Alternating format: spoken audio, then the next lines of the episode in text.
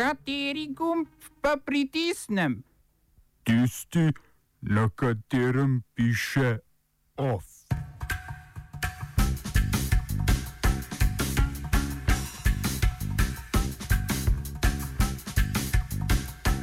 V Vietnamu proti kitajski izgredi. Na mačarskem prva obsodba za pokol leta 1956 sodišče v Sudanu zagrozilo ženski, da opusti krščansko vero ali ji grozi smrtna kazen. O mednarodnih izkušnjah mladih v slovenskem prostoru. Masiranje ega od socialnih omrežij do konkretnega prostora.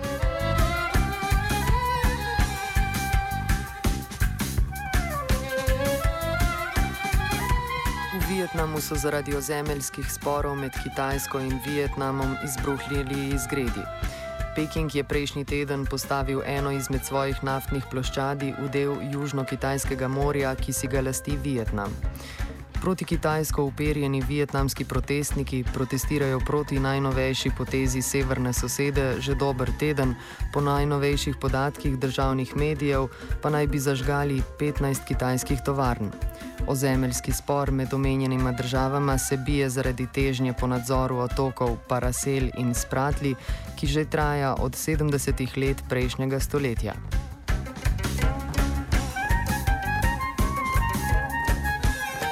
Najštevilčnejša azijska država si lasti večino Južno-Kitajskega morja, medtem ko manjši deli pripadajo nekaterim južnoazijskim državam.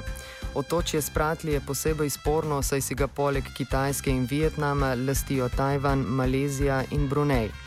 Prva je tudi deležna obtožb filipinskega zunanjega ministra Charlesa Joseja, saj je osumljen gradnje letališča na, eden, na enem izmed otokov.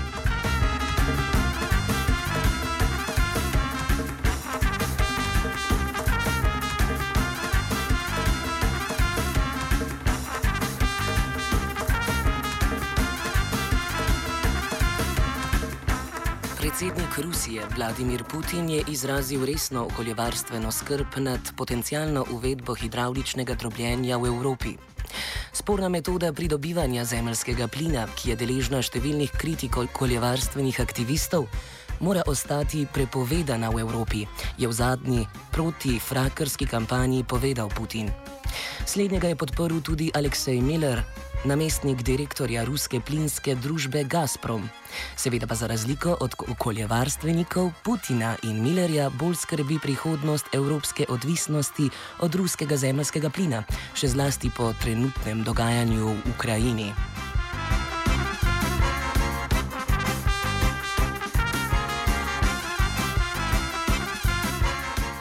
Vrstne ameriške napovedi pa skrbijo tudi njihove zaveznike v Katarju, a ne zaradi okoljevarstvenih pomislekov. Povečan izvoz ameriškega plina bi namreč ogrozil izvozne kvote katarskega, kar bi to državo postavilo v slabši položaj napram regionalni tekmici Saudski Arabiji. Katar posledično išče nove zaveznike. Za letošnje leto so v Dohi napovedali srečanje foruma držav izvoznic zemljskega plina, katerega najpomembnejši članici sta poleg Katarja še Iran in Rusija. Omenjeni forum sicer obstaja že od leta 2001, vendar doslej ni igral takšne vloge kot sorodni kartel izvoznic nafte OPEC.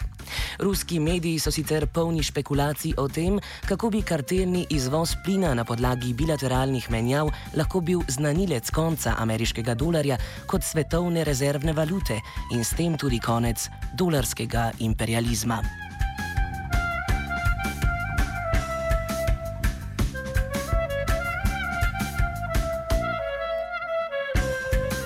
Predsednik Evropskega sveta Herman Van Rompuy je med obiskom Moldavije nekdanjo Sovjetsko republiko pozval k podpisu pridružitvenega sporazuma z Evropsko unijo. Po mnenju predsednika Evropskega sveta bi sporazum, ki naj bi ga Moldavija z Evropsko unijo sklenila 27. junija v Bruslju, Moldavicem prinesel številne koristi, državi pa tesnejše odnose z unijo.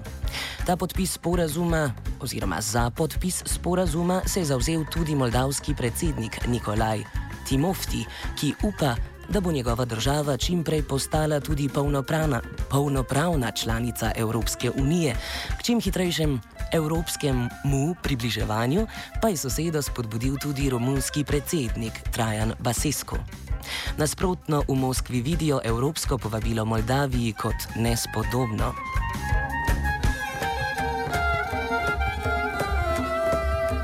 Kremelj je prepričan, da gre za nov manever Bruslja, s katerim skušajo stran od ruskega vpliva potegniti še eno nekdanjo Sovjetsko republiko.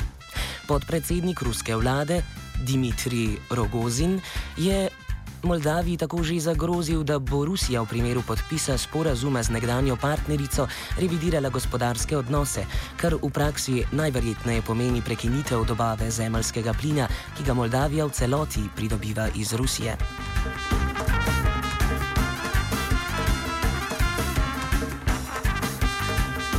Na mačarskem so obsodili 92-letnega bivšega visokega komunističnega funkcionarja, ki je bil obtožen vojnih zločinov v času mačarske ustaje leta 1956.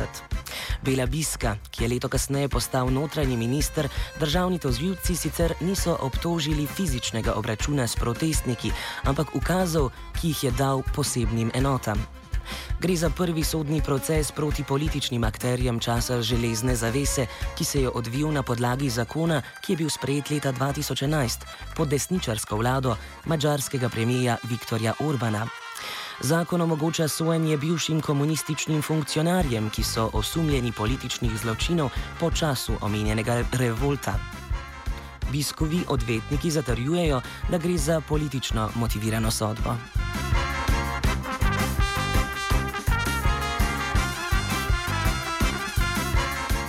Na sudanskem sodišču so postavili ultimat 27-letni Marjam Ibrahim Išak, da naj opusti svojo krščansko vero ali pa ji grozi smrtna kazen. Sodniki jo krivijo apostaze ali izstopa iz verske skupnosti po njeni volji, saj se je poročila s krščanskim moškim. Po besedah Ahmeda Bilala Osmana, sudanskega informacijskega ministra, je prostovoljni izstop iz religije v državi prepovedan. Naj še opomnimo, da se Sudan od cepitve svojega južnega dela države srečuje z veliko gospodarsko in politično krizo, saj je slednji predstavljal glavni vir dobička od nafte. V Sudanu od prejšnjega leta potekajo nasilni protivladni protesti, saj je predsednik Omar Hassan al-Bashir uvedel vsem znane varčevalne ukrepe.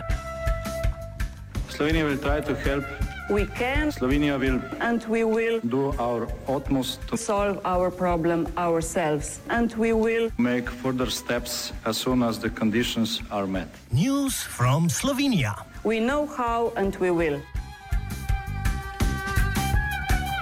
Zavod za kulturo dialoga za in proti je v klubu K4 organiziral konferenco z glavo in trebuhom za pametjo in kruhom, ki se je odvila v sklopu projekta Uživajmo evropsko državljanstvo.